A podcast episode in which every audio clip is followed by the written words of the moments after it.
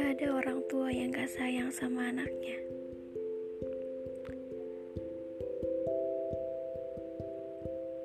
Setiap orang tua pasti memiliki rasa sayang, walaupun terkadang mereka tidak memperlihatkan rasa sayangnya.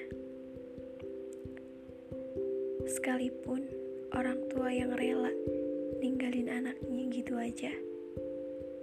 Dalam hati kecilnya, pasti ada rasa kerinduan, cinta dan kasih kepada malaikat kecilnya.